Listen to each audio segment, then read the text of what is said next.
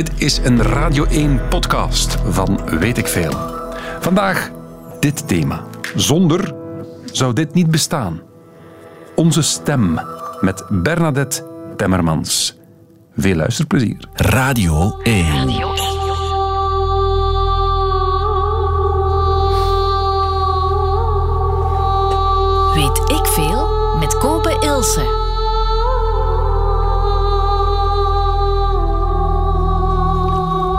Goedemiddag. Goedemiddag. Het gaat vandaag over een instrument. Absoluut. Een instrument dat we allemaal gebruiken en dat kan leiden tot ergernis, zoals waarschijnlijk bij dit effect. Ja, dat kan ik me voorstellen. Dus we gaan het gewoon wegnemen. Of het kan ook leiden tot een heel duidelijk gesprek, Bernadette Timmermans. Dat is inderdaad zo. Dat instrument kunnen we eigenlijk niet missen. Jij zeker niet, Kobe. Nee, want ik werk voor de radio. Zo is dat. En jij bent logopediste Ik ben logopediste. en coach van het instrument waar we het over hebben. Zo is dat. Dat doe ik vaak. Heel veel zelfs. Ja. Het gaat vandaag over de stem. De stem. Ik noem het een instrument, Bernadette. Klopt dat eigenlijk? Ja, absoluut. Je moet het instrument leren bespelen. Net zoals je een viool, een gitaar, een piano moet leren bespelen. De pianooefeningen, de vingeroefeningen. Zo kan je dat ook doen met je stem. Absoluut. Is het een orgaan? Het is een orgaan. Twee spieren? Meerdere spieren? Oh, meerdere spieren. Ja, meerdere spieren. Daar, daar gaan we het straks allemaal over hebben. Dit vind ik persoonlijk, qua zangeres, de mooiste stem. Kent u haar? Het is Lisa Gerrard. Die heeft vooral heel veel filmmuziek gemaakt. Het is mooi. Prachtig. We gaan even gewoon nog een beetje luisteren naar de prachtige stem van Lisa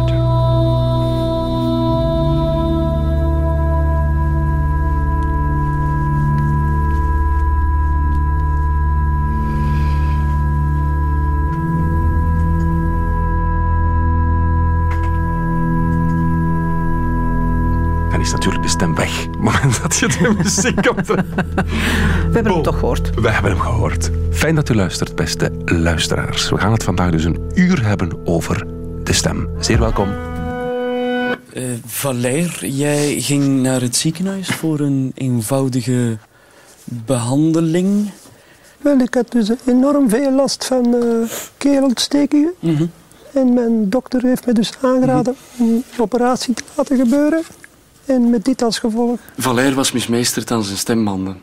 En toen hij mij aansprak, ja, er kwam zo'n gek geluid uit. Ik moest zo ontzettend lachen. Maar ik wist natuurlijk van, ik mag hier niet lachen. Ik mag hier niet lachen. Als je met seks omgaat, is het niet alleen het fysieke dat telt, maar ook soms de, de lieve woordjes. Dat is zelfs tot in Amerika geraakt, dat fragment. En ze dachten daar dat het echt was. Het is nogthans uit In de Gloria.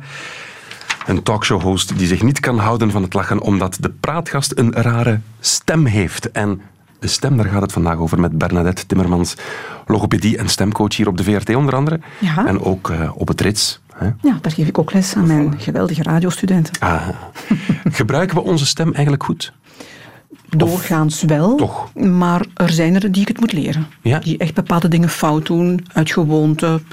Meestal is het uit gewoonte, stress, een beetje allerlei mogelijke factoren. En je werkt vooral met, eh, met jonge mensen dan hè, op het Ja, Rits. ja. Merk je dat, dat de jeugd misschien wat te nonchalant met hun stem omspringt? Of kan je dat niet echt zeggen? Oh, nee, niet bijzonder. Ik denk dat dat eh, van alle tijden is geweest. Dat die, zeker op die leeftijd, graag uitgaan. Eens goed lawaai maken, concert. Hè, die nu onlangs gepasseerd zijn. Ja. Zo roken te hoog, absoluut. Dus ik denk dat het van alle tijden is, hoor. Ja. Oké.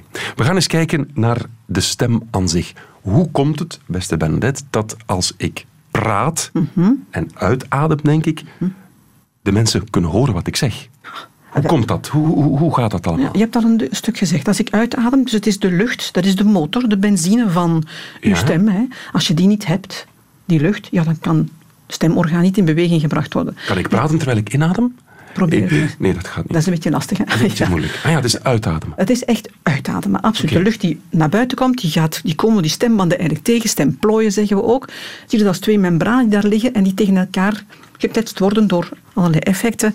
En die, ja, daar komt dan ineens geluid uit. Je hoort een zekere toonhoogte, een zekere luidheid en uw typische stemklank die bij u hoort. Ja. stem is anders dan die van uw buurman, bijvoorbeeld. Een geluk. Ah, Ja, ja, iedereen heeft zijn eigen stem. nu, die, die luidheid, eh, die, die, bedoel, die lucht maakt dat uw stem kan klinken. Die stembanden komen tegen elkaar. Pakken twee membranen, hè, een stukje... eh, een blad van een boom, als je daardoor blaast, gaat dat ook lukken. krijg je ook zo'n fluitend geluid. Ja, Dan moet je gewoon tegen elkaar klappen, trillen. En de snelheid waarmee, waarmee die stembanden trillen, maakt dan hoe hoog het gaat zijn. Als je heel snel stembanden laat tegen elkaar komen, ja, dan is de toon nog te hoog. Dus daarom ook dat vrouwen hogere stem, toon, toon, toonhoogte hebben. Omdat die stembanden sneller, Sneller- trillen Ja, Kobe, wij werken dus veel harder als wij dat weet ik. Hè? Dat weet je sowieso, hè? Uiteraard. Het is niet omdat we te veel praten. Nee, dat is een fabel. Het is echt omdat we te veel, enfin te veel, dat we veel sneller met onze stembanden Ja, ja. eh, Dus als ik nu hoger ga spreken, dan Ja. zijn het eigenlijk mijn stembanden die sneller Die klapperen. Ja, die zijn, inderdaad, dat is zo. En ja. als ik lager praat en mijn stem naar beneden breng, dan... Dan onder andere gaat de trillingsfrequentie naar beneden. Oké. Maar ook die stembanden, van jou, als je naar beneden daar, dan worden die ook wat dikker. In het strottenhoofd zitten beentjes achteraan uw stembanden. Ja. En die kunnen schuiven in dat orgaantje. En die kunnen dus naar beneden glijden, waardoor die stembanden korter en dikker worden. En dus ook lager. Ah, ja. En de luidheid... Ja, dat heeft te maken met de luchtstroom. Hè. als ik luid praat, Ja. gaat er meer lucht. Gaat er de luchtdruk onder uw stembanden wordt groter. Stembanden gaan veel groter open. Dat is allemaal klein natuurlijk. Die gaan groter open, sluiten steviger en daardoor ga je luider spreken. En als ik fluister, Bernadette... Als je fluistert. Wel, als je fluistert, je mag dat nu wel doen, nooit als je ziek bent, hè, verkouden, Ja. dan gaat er eigenlijk een deel van de lucht niet in trilling gebracht worden. Dat blijft openstaan. De onderkant van de stemmen dat blijven open. Hè. En dat is vermoeiend. Als je heel lang, als je heel de tijd zou fluisteren, zou, zou je het wel gaan opgeven. Nochtans, ik zou denken dat fluisteren net... Ah, dat is niet zo. Ah. Men denkt dat, hè. Ja. Ik ben verkouden, hees, ik zal maar gaan fluisteren. Ja. Nee, is geen goed idee, want dat kost veel meer inspanning. Ah. Eigenlijk zegt uw lichaam, als u verkouden bent, je bent ziek, zwijg gewoon. Als je voet omslaat, ga je ook geen marathon lopen. Dat gaat niet, je hebt pijn. Ja, ja, tuurlijk. Maar toch gaan we heel vaak door hè, met die heese, vermoeide stemmen. Ja. Omdat we dat eigenlijk niet door hebben, dat dan beter zouden zwijgen. Op zo'n een, hè. één dag verkoudheidsstem Ja. heeft wel iets sexy. Dat kan zeker iets sexy hebben, ja. Koen Wouters heeft zo Daar gaat ze ingezongen. Hè. Na, Ja, twee kan, nachten Ja. doorgaan. Zorgt wel voor een heel aparte klank. Absoluut, absoluut. Natuurlijk, het moet gezond blijven. Hè. Je hebt ook nog soorten stemmen. Ja. In dezelfde persoon. Nee, de, de, de, de, kopstem, of hoe heet dat allemaal? Also bedoel je kopstem, middenstem, borststem, dat is Ja. de plaats waar de resonantie eigenlijk het hoogst is. Meestal hebben wij onze gewone middenstem. En kopstem ga je heel hoog, in falsetstem, gelijk de Bee Gees in de tijd zongen, dat is heel Ja. hoog. En borstregister is heel laag met warme, diepe resonantie. Waarom noemen ze dat de kopstem? Ja, omdat men het idee had dat hier in het hoofd veel meer weerklank zat. Ah. Dat is eigenlijk het ontstaan van die namen. Maar eigenlijk gaat het meer over wat precies in die stemspier, welk deel, hè, de zijrand van de stemband of de diepere ligging in de stembanden, of die trillen, ja dan nee. Daar heeft het mee te maken. We gaan eens even terug in de tijd. Bernadette, wanneer zijn we als mensen onze stem beginnen gebruiken? Want als ik een film zie over de oertijd, dan is dat een soort gebral tegen elkaar, maar dat is wel al de stem. Daar is al geluid, ja. Er is al geluid. Er is al geluid. Er is nog geen communicatie. Enfin, die communicatie ontstaat eh, met symboolfuncties, maar kijk naar apen. Ja. Het verschil met apen is dat hun brein kleiner is dan dat van ons. Hè. Ook hun stemorgaan is toch iets anders. Vroeger waren dat twee zakken waarmee ge- gebromd werd, eerlijk gezegd. Ja. Als iemand bromt en dat laag en diep doet, dan denk je, oei, ik zal maar wegblijven. Dus het zal natuurlijk wel wat eh, betekenis gehad hebben. Ja, ja, ja, ja. Maar het is pas bij het ontstaan van de mens, waarbij het- vooral het brein goed ontwikkeld werd en er een tongbeen kwam, want dat moest er dus zijn. hè. Een tongbeen. Ja, iedereen heeft een tongbeen. Het beentje, als je je tong vastpakt onderaan je, je mondbodem, voel je zo'n spier en ga helemaal tot aan je nek. Daar, hierin, daar ligt het tongbeen. Het tongbeen is heel belangrijk, want daaraan hangt dan het strottenhoofd weer. Met alle spieren en toestanden. Ja, ja, ja. En je hebt een tongbeen nodig om goed te kunnen praten. Oké. De lenigheid van die tong is belangrijk. Een aap heeft een hele platte tong, Ja. waar hij niet mee kan praten. En ook heeft het verstand ook niet natuurlijk. En praten heeft natuurlijk ook met taal te maken. Ja, zeker. Anders is het gewoon geluid Ja, produceren. het is gewoon geluid. Denk aan baby's, hè.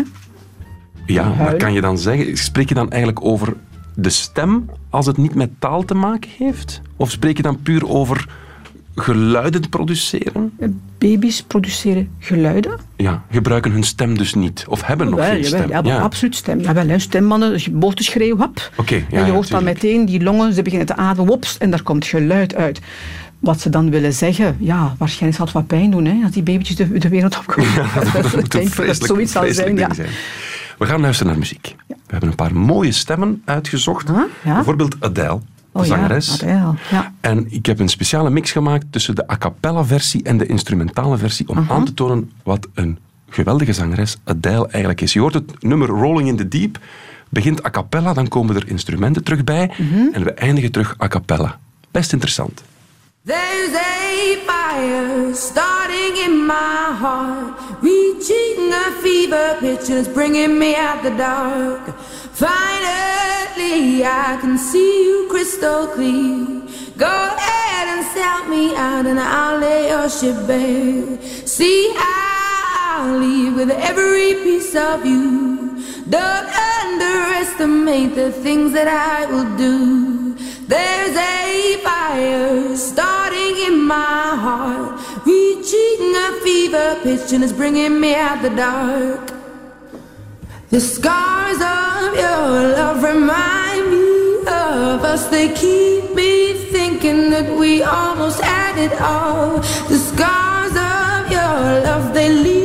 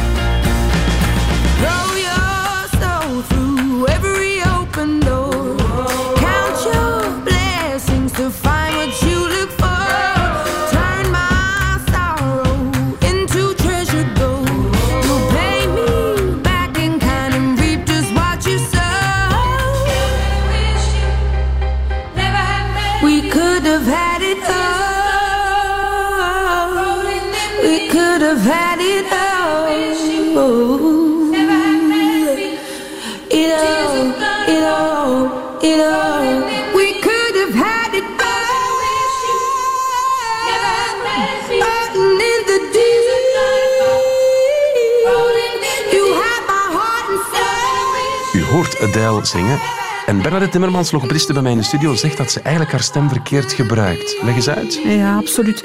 Ik hoor het graag hoor, maar je hoort die stem af en toe overslaan. Wat schor, wat hees. Ja. Ze zet wel wat druk en ze is daardoor ook een tijd moeten stoppen met zingen. En Oké. ik denk ook dat ze geopereerd is. Ik denk dat het stembandknobbeltjes waren. En dat wil zeggen dat de stem verkeerd gebruikt wordt en dat er veel druk op gezet wordt als ze zingt. Blijft een goede zangeres. Absoluut hoor, daar niet van. Vriend komt er nooit meer, nooit meer. Elvis is van eh, de zanger, de zanger. Ja, dat is een ding. En dat blijft een ding. Ja, ja. Tien jaar geleden werd er bij Anita keelkanker vastgesteld. Haar stembanden waren aangetast en werden verwijderd. Love me. Tender. Love is great. Never let me go. De stem, het is iets heel bijzonders. Het gaat er vandaag over in Weet ik Veel met Bernadette Timmermans. Stemcoach ook hier op de VRT en ook eh, logopediste. Ja, je stem verliezen, Ja, dat dat moet een vreselijk gevoel zijn. Ja, absoluut. Communicatie valt weg. Ja, hè? Je kan je niet meer uitdrukken. Ehm, ja, denk het voorbeeld dat u daar hoort, is nu het ergste dat je kunt voorhebben. Mhm. Dat je zodanig ziek wordt dat het wel weg moet. Niet anders kan om je leven te redden. Je hebt natuurlijk nog de gebarentaal, Ja, maar ja, maar dat is beperkter niet toch? iedereen kent die gebarentaal. Als je mensen hebt die gebarentaal kennen, ja, dan Ja, kan je daarmee communiceren. Maar ja, iemand die op zijn 50 of ouder eh, dit voorkrijgt, kent geen gebarentaal. Moet je dat gaan leren? Goh, die kan nog wel, enfin, die kan leren wat praten zoals u dat gehoord heeft. daar. Ja. Hoe werkt dat dan, weet Dat je is dat? met een, een, een apparaatje dat onder de mondbodem wordt gehouden. Ja. En dat het, eh, ze leren dan door lucht in te hebben en terug naar buiten te laten komen. Dat is dan ook weer lucht. En dat wordt dus in stem mechanisch dan omgezet door dat apparaatje. Dus het apparaatje neemt eigenlijk de functie van de stembanden over. Ja, klinkt heel mechanisch, hè? Ja, maar ja, toch, toch een manier om nog te, Ja, het is goed dat het bestaat. Ja. De stem, beste Bernadette. Ehm, wanneer vinden we een stem mooi en wanneer vinden we een stem irritant? ja, dat is afhankelijk van waar je leeft. Hm? Ja, we het even hebben over België, hier bij ons. Ja. En hier de VRT. Eh, we vinden ze stemmen mooi als die warm, gezellig en dus een beetje laag klinkt. Wat niet wil zeggen dat je plots laag moet gaan spreken natuurlijk. Maar dat is een warme, vriendelijke stem. Ja. Wijst erop dat je controle hebt over wat je zegt. Dat je wel weet wat je vertelt. Of je klinkt althans zo. Dus de stemkleur bepaalt ook de indruk dat mensen van mij hebben. Ja, absoluut. Ja, als je dat met, als een kinderstem, of iemand die een kinderstem heeft, jouw functie overneemt, dan komen daar reacties op. Absoluut. Mensen zijn heel gevoelig aan stemmen. Ja, ja. Hoge stemmen, te hoog geplaatste stemmen, ja, hebben iets kinderlijks, iets infantiel. En dat hebben we niet graag. Dan vertrouwen we dat niet meer. Dus een nieuwsanker met een te hoge stem Hmm. zal zijn of haar geloofwaardigheid Absoluut. Op het spel zetten. Ja, Oké. zeker weten. Ja. interessant. Ja. Kan je ook te laag zitten, dat mensen zich daaraan gaan storen? Dat kan zeker. Ja, dat kan absoluut. Dat je veel te laag gaat zitten en dat is vermoeiend. Heel vermoeiend. Ook zo hoog is te vermoeiend. Je moet echt op je eigen toonhoogte zitten. Iedereen heeft een natuurlijke toonhoogte die je meekrijgt. Je leert dat voelen. Hè. Wat is mijn goede toonhoogte? Ja, maar is dat erfelijk? Of leer ik dat in mijn puberteit of als, als kind al bepaalde stemmen te gebruiken? Of is de stemkleur die ik nu heb, zoals ik nu praat, Mhm. erfelijk bepaald? Dus niet erfelijk bepaald. Een beetje daarvan, 15% geloof ik, geef, krijg je mee. Hè? Maar eh, ze zeggen vaak, oh, je hebt juist de stem van je moeder. Dat is natuurlijk omdat je het ook leert. Hè? Je, hebt, je moeder voedt je op, je luistert naar die stem heel de tijd, als kind, als baby, en je groeit zo op. En je zal wel wat van die intonatie meenemen en van die typische spraakkenmerken. Maar het is eigenlijk aangeleerd gedrag, hoor. Vooral aangeleerd gedrag. Ja. Dus ik ga kopiëren. Je gaat kopiëren, ja, voor een stuk. En zet dan dan je eigen ding in en je gaat zo verder. Heeft cultuur, je zei er net al, hier in België houden we van de, de, de, de warme stem. Mhm. Is dat in andere landen anders dan? als in andere landen absoluut anders. Hè? Dicht bij ons, ga helemaal naar het noorden, naar Neder- Nederland, daar is het al een pak hoger. Is dat zo? Ja, zit een pak hoger. Kijk maar eens, luister maar eens radio tv, het gebeurt daar zeker. Maar gaan we helemaal de andere kant van de wereld op, ehm, China, Japan, dat zijn hele hoge stemmen. En dat, zijn ook, dat is ook een toontaal. Hè? Die taal, het woordje ma bijvoorbeeld, Ja. kan je op vijf tonen zeggen en die betekenen vijf keer iets anders, het woordje ma. Ma, ma, ma. Dat Weet ik veel. Dat ja, zijn totaal andere... Verschillende trappen. Eh, ik heb zo een stukje Japans klaarstaan. Het is inderdaad... Het, voor ons is het zoals Japanse en Chinese muziek. Het klinkt raar. Oh, Otani eh, Ikuya-san. Eh, Hai. Hajimemashite. Hajimemashite. Oh, Pikachu no koe. Niet aangenaam dit. Pikachu, ちょっと言っていただけます Pikachu. Hoe komt dat dat wij dat dan ja, niet, niet leuk vinden? Is dat ja, omdat we als kind dat niet gewoon zijn? Dat is, een dat is een gewoonte. Een gewoonte dat we meegekregen hebben. Mhm. Dat is veel te hoog voor ons. Dat doet ons denken aan, het is kinderachtig. Ja, ja, ja. ja. We hebben het er net al over gehad dat ehm, de stem ook bepaalde sferen kan oproepen. Bijvoorbeeld, als we wat in de erotische sfeer gaan, Bernadette, Dat gebeurt zeker. dan ja. gaan we onze stem laten zakken. Dus genoeg geweest. Ja. Maar hoe weet ik... Nee, dat is een stomme vraag. Ik ga het anders stellen. Waarom is een stem sexy? Ik wil zeggen, waarom, we hebben het net al gehad over dat heesen en dat laag. Hoe, hoe komt dat dat we dat dan als sexy ervaren? Dat wordt een beetje als wat kwetsbaar gezien, gevoeliger gezien. reclames met kinderen bijvoorbeeld hebben vaak heese, schorre stemmetjes. Dat vinden we zo schattig. Hè? Ja. Sexy voice. ehm, in de omgeving waar, hè, moet het dan ook allemaal heel rustig en heel zacht. Je gaat ook trager praten. Je gaat niet roepen, hè. Nee. Zo'n slaapkamer. Het is een vocal image noemen we dat. Je past je automatisch aan aan de situatie waarin je je bevindt. Neem een telefoon op, je gaat misschien ook je stem anders gebruiken of heel vriendelijk willen klinken als je telefoneert. Als ik vriendelijk wil zijn, ga ik dan sneller praten? Ehm, niet meteen. Als je gelukkig bent, ga je sneller praten. Oh ja, dat is gebeurd. Oh, en dan vertel je heel snel. Dat gaat automatisch. Daar denken we eigenlijk niet bij na. Ah, dus als we gelukkig zijn, gaan we hoger Ja, en sneller hoger en praten. sneller, ja. En als we dus ongelukkig zijn, wordt het trager en Lager dieper. en donkerder ja, en dieper. Ja, absoluut. En dat gebeurt onbewust? Goh, ik denk daar niet over na. Ik ben ongelukkig. Ik ga nu maar laag spreken. Ik denk dat dat inderdaad spontaan doe. Ja. Kunnen we dat trainen? Ik denk nu aan het voorbeeld stemgebruik trainen. Het voorbeeld van Bo van Spilbeek, Boudewijn Ah, ja. van Spilbeek, was hij tot... eh, was zij, excuseer. Zij moet nu leren, want haar stem is niet geopereerd, denk ik. Nee, nee, dat gaat ook niet. Hè. Zij zat in een verkeerd lichaam vroeger en zit nu in haar juiste lichaam, zoals ze dat zegt. En ehm, we kunnen die stembanden niet meer veranderen. Een man heeft grotere stembanden, dikkere stembanden. Je hebt ook een adamsappel. Hè. Ja. Dat wordt verwijderd bij ehm, die transmannen.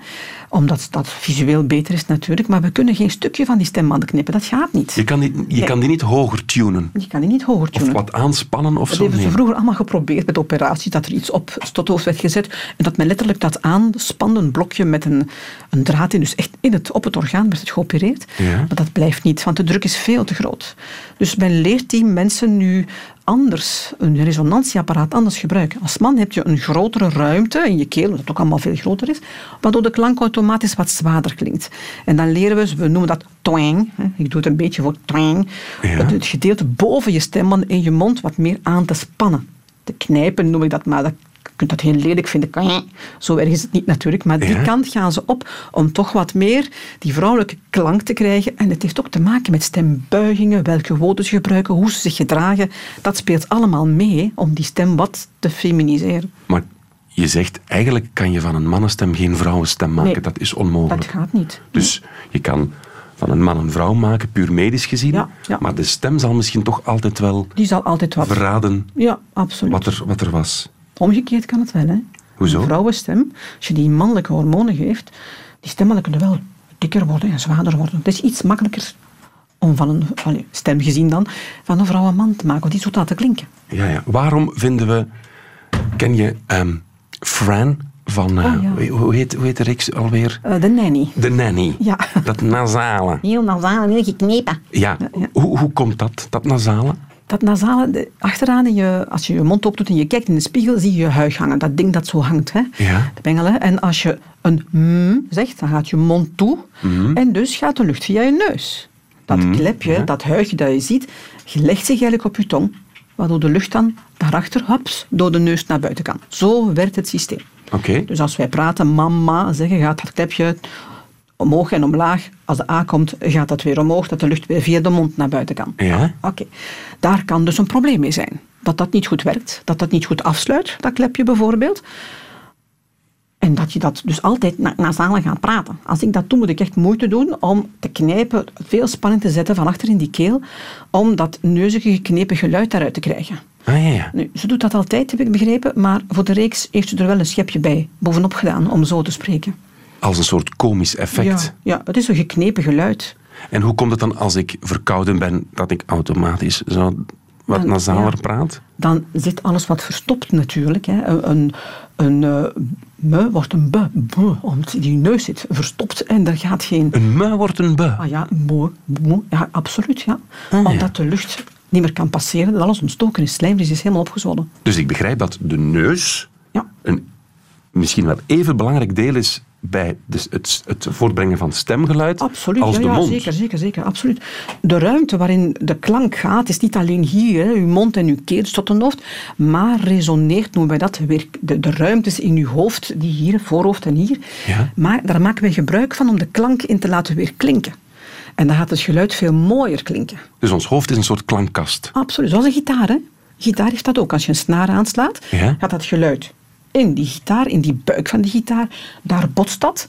En dan komt die klank eruit en is die veel mooier. Ik heb een groot hoofd. ja. Ik, bij zonnebrillen kopen is dat een probleem. Aha. Heeft het feit dat ik een groot hoofd heb dan een effect op mijn stem? Ha, dat hebben ze nog nooit uitgemeten, denk ik. Want mijn klankkast is groter dan die van jou bijvoorbeeld. ja, maar jij bent ook groter Ja. ik. En je bent een man, een mannenstem en je hebt sowieso een groter orgaan en groter resonantieruimte hier achter in je keel. Maar ik ga niet een soort van echo creëren doordat ik een groot hoofd heb. Nee, gelukkig hè. All the angels sing about Jesus' mighty sword, and they shield you with their wings, and keep you close to the Lord. Don't pay heed to temptation, for His hands are so cold. You gotta help me keep the devil way down in the hole down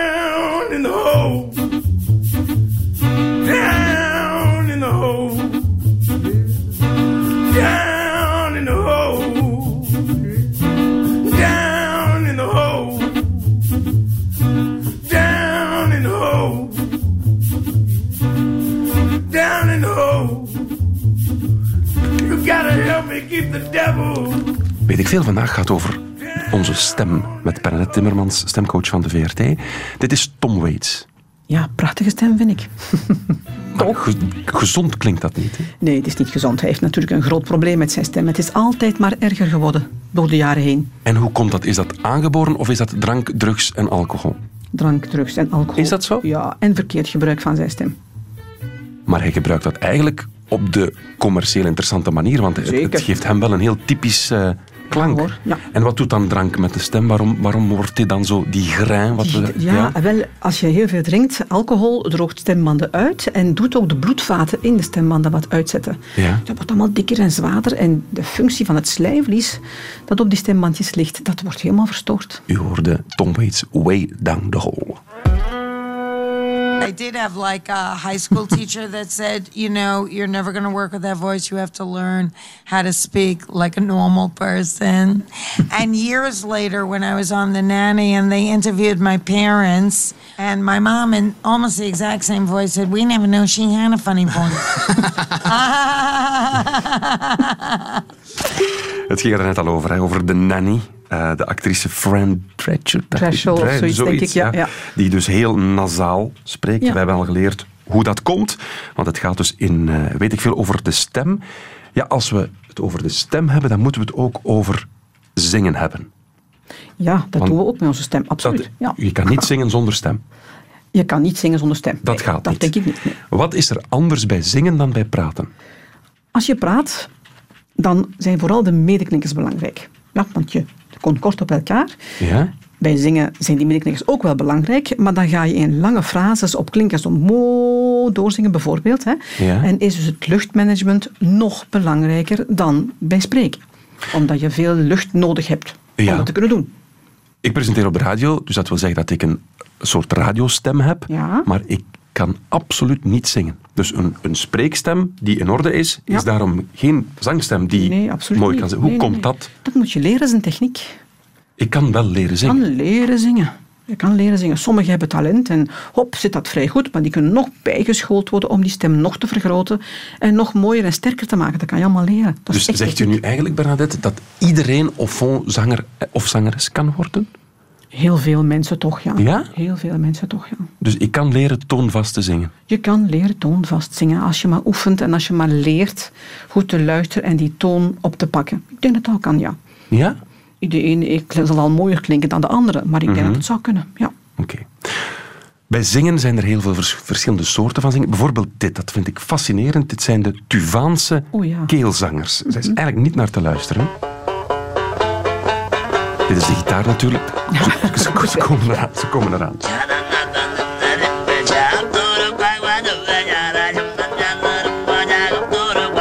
Wat is dit?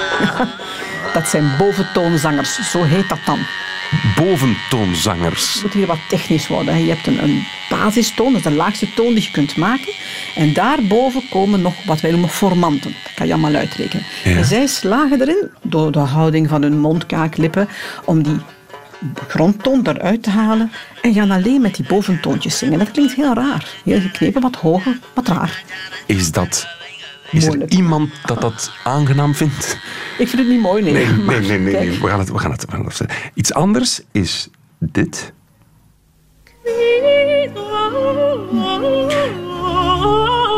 Opera, Ja, maar met het extra gegeven dat dit eigenlijk een man is. Ja. Ja, dit is een castraat. Een castraat. Farinelli. Farinelli. Uit de film. Uit de film, die was wel een film. Dus die Ja. echte originele castraat, daar hebben we jammer genoeg geen opnames meer van. Of toch geen goede opnames meer van. Een castraatstem is eigenlijk een, een man die voor de puberteit volop in bloei kwam en zijn stem zou veranderen, gecastreerd wordt. Dus die hormonen zijn weg en de evolutie gaat niet meer door. Dus eigenlijk is dat iemand die zijn kinderstem behoudt. Ja, ja. Eh, meisjes en jongens, bij, als ze klein zijn, hè, voor de puberteit, zijn allemaal sopraantjes. Allemaal. Ah, ja. Veranderen pas na de puberteit. Dus je hoort hier eigenlijk een kinderstem. Enfin, dit is een zangeres hier zingen en die blijft in die hoogte zingen. Ah, dit is, in de film hebben ze een vrouwelijke Ja, zangeres Om die allerhoogste gebruikt. dingen te doen, ja, absoluut. Ja. Dat, kan, dat zou wij niet gekund hebben, denk ik. Nee. En dan hebben we nog iets. Dit is een geweldig verhaal. Ken je Florence Foster Jenkins? Dat was een rijke vrouw. Ja. En die had een passie voor zingen. Mhm. Probleem is dat zingen geen passie had voor haar.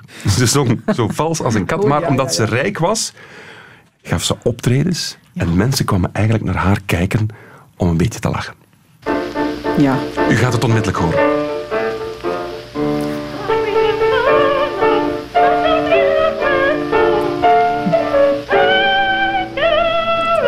Volle zalen. hè? Ongelooflijk, ongelooflijk.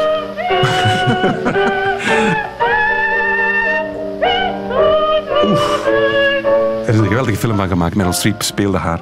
Ja. Ehm, hoe komt het dat we vals zingen? Ja, deze dame zingt vals. Ehm, ik vraag me af of ze het echt niet zou weten. Het kan toch bijna niet anders. Zij kan niet goed toon treffen, noemen we dat. Ja? In de volksmond spreekt men over toondoofheid. Het is een beetje een rare term, vind ik, want ze is niet doof. Maar ze slaagt er niet in op een of andere manier om de vastheid in die toon te houden. En als je haar een noot zou voordoen, hè, met piano of zo, dan zit ze daar ook compleet naast. Ze moet dus- het echt leren.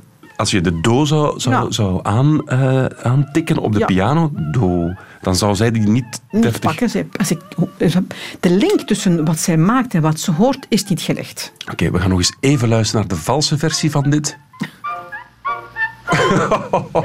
Wat erg. Hoe gaan we die toverfluit, zeg? Florence Foster Jenkins. Ja. Ja, gedaan ermee, want dit is hoe het wel moet.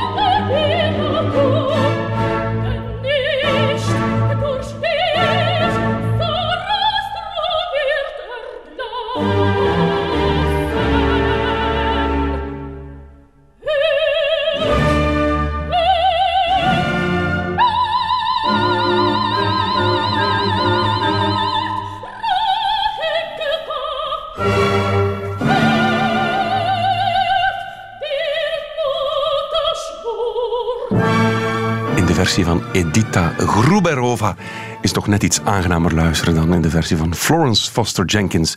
Je hoort de koningin van de nacht uit de toverfluit. Heel mooi. Mooi, hè? Ja, prachtig. prachtig. En toch zijn er, ons moeder bijvoorbeeld, zei altijd als ze opera hoorde, oei, die mevrouw heeft buikpijn. Oh, dat vind ik nu niet zo klinken. Ik vind het heel mooi klinken. Ja? Ja, ja. Want die heel hoge tonen, Ja, dat is, dat is toch ook niet voor iedereen weggelegd. Nee, dat is waar. Je moet het leren waarderen. Als kind hoorde ik het ook niet graag. En het ook leren produceren. Zeker. Je moet leren, je gaat heel hoog. Hè? En als je, Ja. Wij zijn geen zangers. Hè? Als ik heel hoog ga, dan merk je dat ik heel veel spanning op mijn hoofd leg. Ja. En dus je moet dat eigenlijk afleren. Dat je heel makkelijk hoog kan gaan. Zonder dat dat pijn gaat doen en gaat knijpen. Dus hoe hoger, hoe meer dat je je spanning stembanden zou kunnen... ontspannen. hè? Nee, nee, nee. Ah. Normaal span je die meer aan. Een stemband die een hoge toon maakt, die wordt heel dun en rekt zich helemaal op. En dat maakt spanning. Dat voel je aan als spanning. Dus als je Mhm. heel hoog moet leren zingen, moet je dat heel goed leren doen. Dat je die stembanden goed kan leren gebruiken. We hebben een vraagje in de mailbox. Oh. Hoe lang is een stemband? Een stemband. Kijk, als je pas geboren bent, Kobe, had je stembanden van 8 mm. Wat blijft? Een baby heeft 8 mm. mm. Dat en dat maakt nogthans geluid voor drie vliegtuigen. hè? Ik wou zeggen, je hebt waarschijnlijk veel lawaai gemaakt, zoals iedereen. dus dat is vrij klein, daar kunnen ze toch goed geluid mee maken. Ja? En je wordt dan groter natuurlijk. En zo na de puberteit ergens, dan zijn die stemmen denk ik wel volgroeid. En ehm, bij een man is dat tussen de 1,8 à 2 centimeter, soms een beetje groter. en bij dames, veel, nee, bij dames 1,3, 1,5. Dat is niet zo groot. Dus het is echt een goed management van die lucht. Hè. Ja, ja. En hoe komt het dat bepaalde mensen... Ik ga bijvoorbeeld graag naar het voetbal kijken. Ja. Op den Antwerp. Mhm. De Bosuil. En je hebt daar een figuur, de Gino. Gino is nogal expliciet in zijn taal, maar het gaat niet zozeer over wat hij zegt, maar als Gino roept als enige, iedereen kan het horen. Die heeft een Oh ja. ongelooflijk dragende, luide stem. Fantastisch. Een, Ja, een- eigenlijk een magnifieke stem. Ja, een stentorstem noemen ze dat ook wel. Hè. Ja, hoe komt dat? Waarom heeft hij een dragende stem? En als ik roep, hoort niemand mij? Dan moet je dat leren, hè, Kolbe. Ook dat kan je Ja, leren. kan je leren. Je moet goed die ademhaling vanuit de buik met adem steunen. Je moet die spier die je allemaal hebt daarvoor goed gebruiken, steunen. En de lucht, pijl als een boog, door het strottenhoofd jagen. En zo ga je luid. Ja, maar het, het, het luide is het niet zozeer. Het dragende. Is dat, heeft dat niet met frequenties te maken ook? Je bedoelt dat het ook een lage stem is? Dus een dragende, warme, luide stem? Heb je het daarover? Nee, hij heeft echt zo'n een, een vrij duidelijke stem die gewoon heel ver draagt. Dus ik, het is Ja, niet alleen een volume-ding. Het is- Ik dacht dat het ook toch... Het heeft ook met die resonantie te maken, denk ik. Hè? Iemand die een warme, juiste, zal een goede stem hebben, neem ik aan. Dan Ja, kan je ook heel luid gaan. En die zit in een goede frequentie, inderdaad. Heel hoog gaat dat nooit lukken. Hè? De do's en don'ts. Do's en don'ts. Bernadette, want ik denk dat heel veel mensen, mezelf in kluis, onze stem niet altijd de zorg geven die het verdient. Ja, dat komt heel veel voor. En dat zien we jammer genoeg ook bij mensen die hun stem heel veel gebruiken en afhankelijk zijn van hun stem Mhm. voor hun beroep. We zien dat ze toch meer zorg voor die stem moeten dragen. Dat is heel vreemd. Eh, ik probeer het ook in de VRT in huis goed duidelijk te maken. Ehm, je moet om te beginnen goed drinken. Ik heb al drie kwartier niks gedronken. Dat is niet zo goed. Hè? Nochtans veel ge- gepraat. Dat is niet goed. Het is niet goed dus te zeggen, je kan het wel uithouden, maar het is beter, het is ook voor jou comfortabeler, ook gezonder voor die stem, dat je het slijmvlies, want op die stemspier ligt slijmvlieslaag, en die slijmvlieslaag is verantwoordelijk voor de kwaliteit van je stem. Hoe mooi en hoe goed die klinkt. Dus je moet het slijmvlies in heel je lichaam, en ook dus van je stembanden, vochtig genoeg houden. Nou ja. Als je gaat joggen en je bent water vergeten, dat is vervelend. Dan begin je te slikken, want dan heb je niet genoeg. Hè. Dus je moet echt zien dat je voldoende water drinkt. Slokjes tussendoor. Is heesheid dan het gevolg van te weinig drinken? Nee. Nee. Nee, heesheid is het gevolg van ehm, de stembanden die niet genoeg sluiten.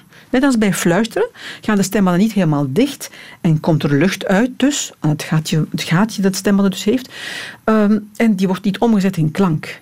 En een heesheid is een stemband die ze ook niet over heel de lijnen niet goed sluiten en er gewoon lucht ontsnapt. En hoe komt het dan omdat die spieren vermoeid zijn dat ze niet meer sluiten? Ja, dat kan zijn. Uh, kan ook omdat je ziek bent. Hè. Slijmvlies heel dik is, ontstoken is, omdat je verkouden bent dus. En het kan ook zijn door een verkeerd stemgebruik. Waardoor die stembanden zoiets hebben van, voert, kan niet meer. Wel, ik overdrijf nu, maar Ja, ja, ja. dat die uh, niet meer doen wat ze moeten doen. Kan je jezelf echt zo overroepen dat de stem opgeeft, dat het gewoon gedaan is? Misschien niet voor altijd, maar je kan wel, denk maar aan onze kinderen, als die terugkwamen van scoutskamp, was mama, het was tof. Ja. Die stem was weg, want ze hadden zodanig veel geroepen en gedaan. Wat we wel eens meemaken, dat gebeurt wel, dat is dat een zanger of een acteur dat die zo hard tekeer gaat en doet, waardoor er een stembandbloeding ontstaat. Auw. En dat is afgelopen dan. Ik bedoel, dat is eenmalig dat dat gebeurt en dan heb je daarna misschien nog wel stem, maar ze klinkt alles behalve goed. Echt waar? Dat, is, dat gebeurt, absoluut. Dat is jammer. Dat is jammer, het is maar één keer dat ze zo'n grote fout maken. En heel zeldzaam, dat heb ik nog maar twee keer gehoord zelf, bij een, een niesbui of zo, of als je heel veel hoest, kan het ook gebeuren dat één stemband gewoon afrukt. Heel eigenaardig. Maar in het begin wisten we niet goed wat we daarmee moesten doen. We hebben eigenlijk beslist om daar niets aan te doen. En die stemband is mooi terug dichtgegroeid en het verhaal was afgelopen. Dus die bloeding is erger. Dan is het echt beschadigd. Dat is onherroepelijk. Dat is onherroepelijk beschadigd. Jammer. We hebben ook al geleerd dat de ademhaling een essentiële rol speelt bij het gebruik van de stem. Ademen wij allemaal correct? Want ik heb moeten leren praten hier op de VRT. Ja, je hebt- Buikademhaling. Ja. En niet zo ademen terwijl je... Of het, Inderdaad. hè, want Ja. dan ga je slikken en dan heb je te veel... spe- het- Nou, dan klinkt het allemaal niet zo goed. Nee, dat is Eh, niet ja. goed, hè? Nee, je moet echt laag leren ademen.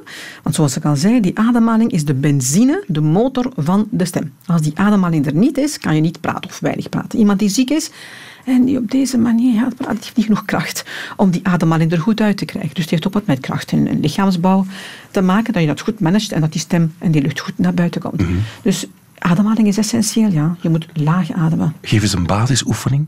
Een basisoefening. Je kan je hand op je buik leggen. Ja. Ja, dan zet je goed recht. Doe ik ga je een raar oefening geven, Kobe. Beeld u eens in dat je achteraan op je rug, net op het einde van je rug, dat je daar nog een neus hebt staan.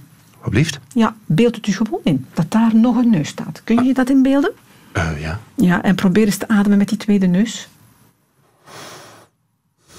Ja, rustig, je moet niet te fel. Dat is wat Het is verstopt, een denk ik. beetje een rare oefening, maar het leert u dat uw ademhaling laag moet liggen. Hè? En Ja. bij veel mensen lukt dat wel hoor, dat je die, adem, die, die neus daar figuurlijk uiteraard kan aanspreken, waardoor ze rustiger worden, goed gaan staan en die ademhaling vanuit de buik laten komen. Weet ik veel? We hebben niet veel tijd meer. Een buikspreker, Bernadette Timmermans, stemcoach hier op de VRT. Ja. Hoe kan die dan verstaanbaar praten als die zijn stem niet gebruikt? Want die mond beweegt niet. Ja, je ziet die mond niet bewegen, zijn lippen bewegen niet, maar Nee. beweegt wel van alles van achter, dat je niet kan zien. Het is een techniek die ze leren, is moeilijk hoor. Ik, ik heb het geprobeerd, maar ik kan het echt niet. Ja. Dus die stem lijkt uit de buik te komen, omdat je die mond niet ziet bewegen. Oké, maar die gebruikt wel de stemband. Ja, absoluut. Ja. Dus buikspreken is een verkeerde omschrijving. ja, Keelspreken is het eigenlijk. Ja, ja, hoe dat je het ook noemt, ja. Je mag het zo noemen. En wat is dit? Deze hypnosesessie gaat je helpen om beter te slapen. Dus het beste kan je er naar luisteren als je in bed ligt met het voornemen om te gaan slapen. Waarom kan een ander zijn of haar stem ons onder hypnose brengen? Deze stem klinkt heel rustig, Ja. laag, spreekt niet te snel, neemt ook een rustig en kalm ritme aan. En als je daarop gaat focussen, word je daar ook heel rustig van. Je kan ook zo een baby in slaap wiegen. Dat is dan geen hypnose, Ja. maar bij een stem kun je inderdaad mensen in een bepaalde sfeer brengen, zodat ze echt helemaal... Dus wat, wat een hypnotiseur zegt is misschien niet zo belangrijk. Het is door het, het timbre. Dus het timbre speelt absoluut een rol. Ja, maar ik denk ook dat wat hij zegt belangrijk is Ongetwijfeld. natuurlijk. wel. ongetwijfeld. Ja. Ik ben ooit onder hypnose geweest, teruggegaan naar de geboorte. Fascinerend. Echt, oei. Echt fascinerend, fascinerend. Maar we naderen het einde van dit mooie uur, weet ik veel, over de stem. En dan moet er altijd uiteraard een examen afgelegd worden, de quiz. Bernadette Timmermans, stemcoach van de VRT. Shoot. Waarom hebben vrouwen een hoge stem, Kobe? Waarom hebben vrouwen een hoge stem? Omdat hun stembanden korter zijn. Moet nog iets bij, hoor. Wat was het juiste antwoord? De stembanden trillen vooral veel. Juist. Ja. Wat is nasaal praten en hoe doe je dat, Kobe? Nasaal praten is dat je eh, een, een, het, het schot achteraan en de neus blokkeert, waardoor de lucht langs de neus komt. Het schot achteraan niet. Het gaat over het klepje daar achter in je keel. Hè? Wel ja, Eh, dat is toch het schot achter. Komt... Ja, Ja, het schot. ja. Nog eentje. Wat is toondoofheid? Toondoofheid is het niet kunnen houden van de juiste toon bij muziek, bij zang. Ja, oké. Nog een laatste vraagje. Ja. Hoe komt het dat een baby zoveel lawaai kan maken, Kobe? Nochtans heeft hij maar een stemband van 8 mm. Ja. Geen idee omdat het een baby is. Zeg het eens rap. Omdat die longen veel lucht nodig hebben. Tuurlijk. Ja. Tuurlijk, Bernadette Timmermans. Hartelijk dank. Radio 1. Weet ik veel? Dit is het einde van deze podcast van Weet ik Veel. Weet ik Veel is trouwens een programma van Radio 1. Op radio1.be vindt u nog veel meer.